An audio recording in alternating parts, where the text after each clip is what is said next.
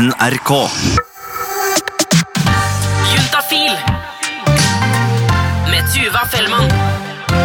Det er så deilig å kunne si velkommen til Juntafil. Noen historier de er så fascinerende at de rett og slett må få plass og fortelles. Og reporter Sindre, i dag så har du rett og slett truffet på en fyr med en sånn historie. Ja, uff. Eh, ja, eller det er ganske viktig, faktisk. eh, Men jeg har snakka med en fyr som har gitt meg en historie på noe som jeg har vært litt sånn bekymra for sjæl, og som jeg tror er en frykt jeg deler med ganske mange andre gutter. Ikke sant? Fortell, hva er det det dreier seg om her? Nei, det dreier seg jo om denne strengen, da. Det er jo relativt vanlig at den ryker. Og det høres forferdelig skremmende ut. Og det kan eh, en som heter Erlend skrive under på.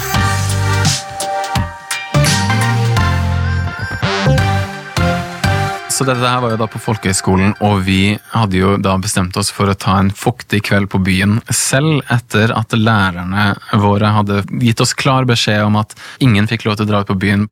Men vi da som ungdommer flest, vi driter i hva voksne sier, så vi stikker jo da ut på byen. Og det ble jo i hvert fall én, to, tre, kanskje fire ekstra øl eh, idet vi begynner å bevege oss hjemover klokken ca. to på natta.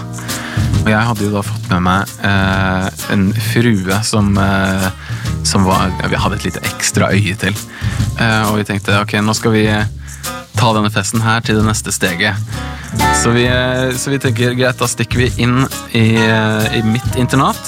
Eh, og da sjekker om vi kan, eh, kan finne et sted der hvor vi kan ha sex. da.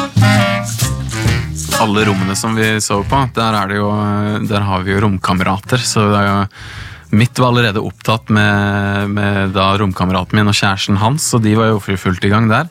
Og hennes rom var også allerede opptatt. Rett under internatbygget vårt så hadde vi en sånn TV-stue som var egentlig veldig populær for akkurat det her, men vi var tidlig ute, så vi fikk den, da.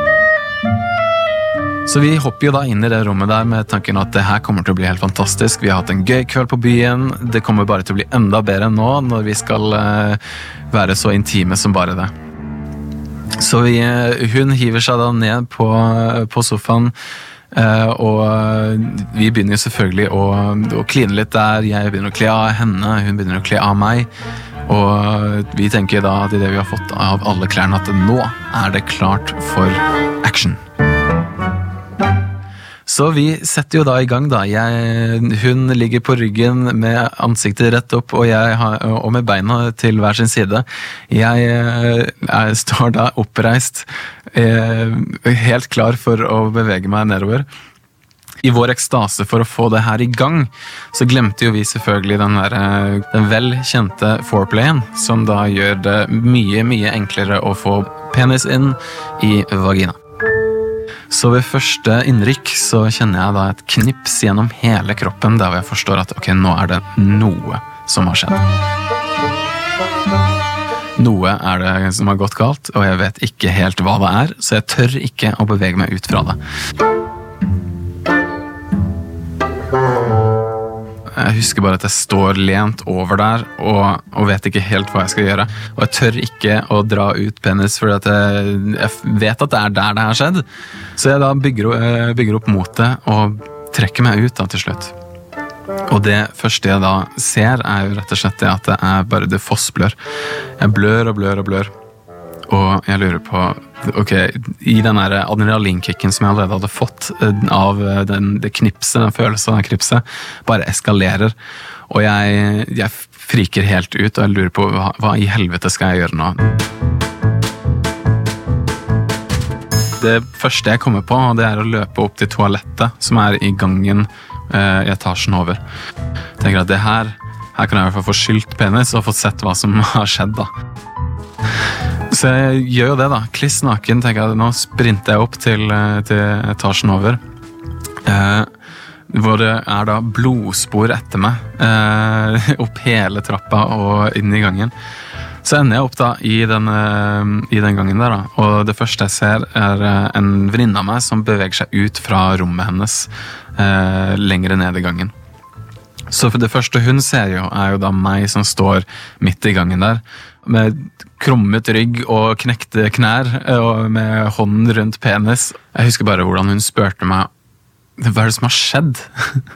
Så står jeg, og der er jeg helt crazy i trynet. Eh, og det eneste jeg klarer å få sagt, er 'jeg har kutta meg'. Jeg har kutta meg. Og det, det høres jo ekstremt feil ut når du sier det på den måten eh, midt på natta, kliss naken, og det drypper blod av deg. Så hun, eh, hun friker jo ut, hun også. Hun løper over og lurer på hva er det egentlig er det som har skjedd. Og jeg tenker ok, greit, nå, nå er det sånn at jeg må bare vise frem for å få, for å få en annens mening på det her greiene her. Med en gang hun ser det her, så, så løper hun av gårde og tenker jeg skal hente lærer. Så jeg går inn på toalettet, får skilt av, og før jeg vet ordet av det, så står jo da eh, vaktlæreren der da, og lurer på hva faen er det som har skjedd. Så han spør meg da selvfølgelig om eh, hva det som har skjedd. Så sier jeg at eh, jeg, hadde, jeg har kutta meg på penis. Så sa han ok, men da, da må jeg få se. Og, og der må han drive og Nesten sånn forstørrelsesglass-type seing på det greiene her. Det må drive løfte opp bak, løfte litt på siden, dra ned for, forhuden så mye som mulig. Uh, og så driver han og titter og, titter og humrer for seg selv. Så han sier jo da til slutt at vi, eh, vi må nok stikke på legevakta. Vi endte opp da med å sitte på legevakten i tre timer, og jeg drev og hørte på hans ungdomshistorier om at han har røket strengen, og at alle vennene hans har røket strengen. Og... Så det var jo en hel affære, det der, altså. Og til slutt så var det jo eh, legen. Det eneste de, de kunne tilby meg, var saltvannsoppløsning. Så jeg da har satt på legevakta i tre timer kun for å få en liten pipett med saltvannsoppløsning som eh, svei som et helvete når jeg skulle bruke den.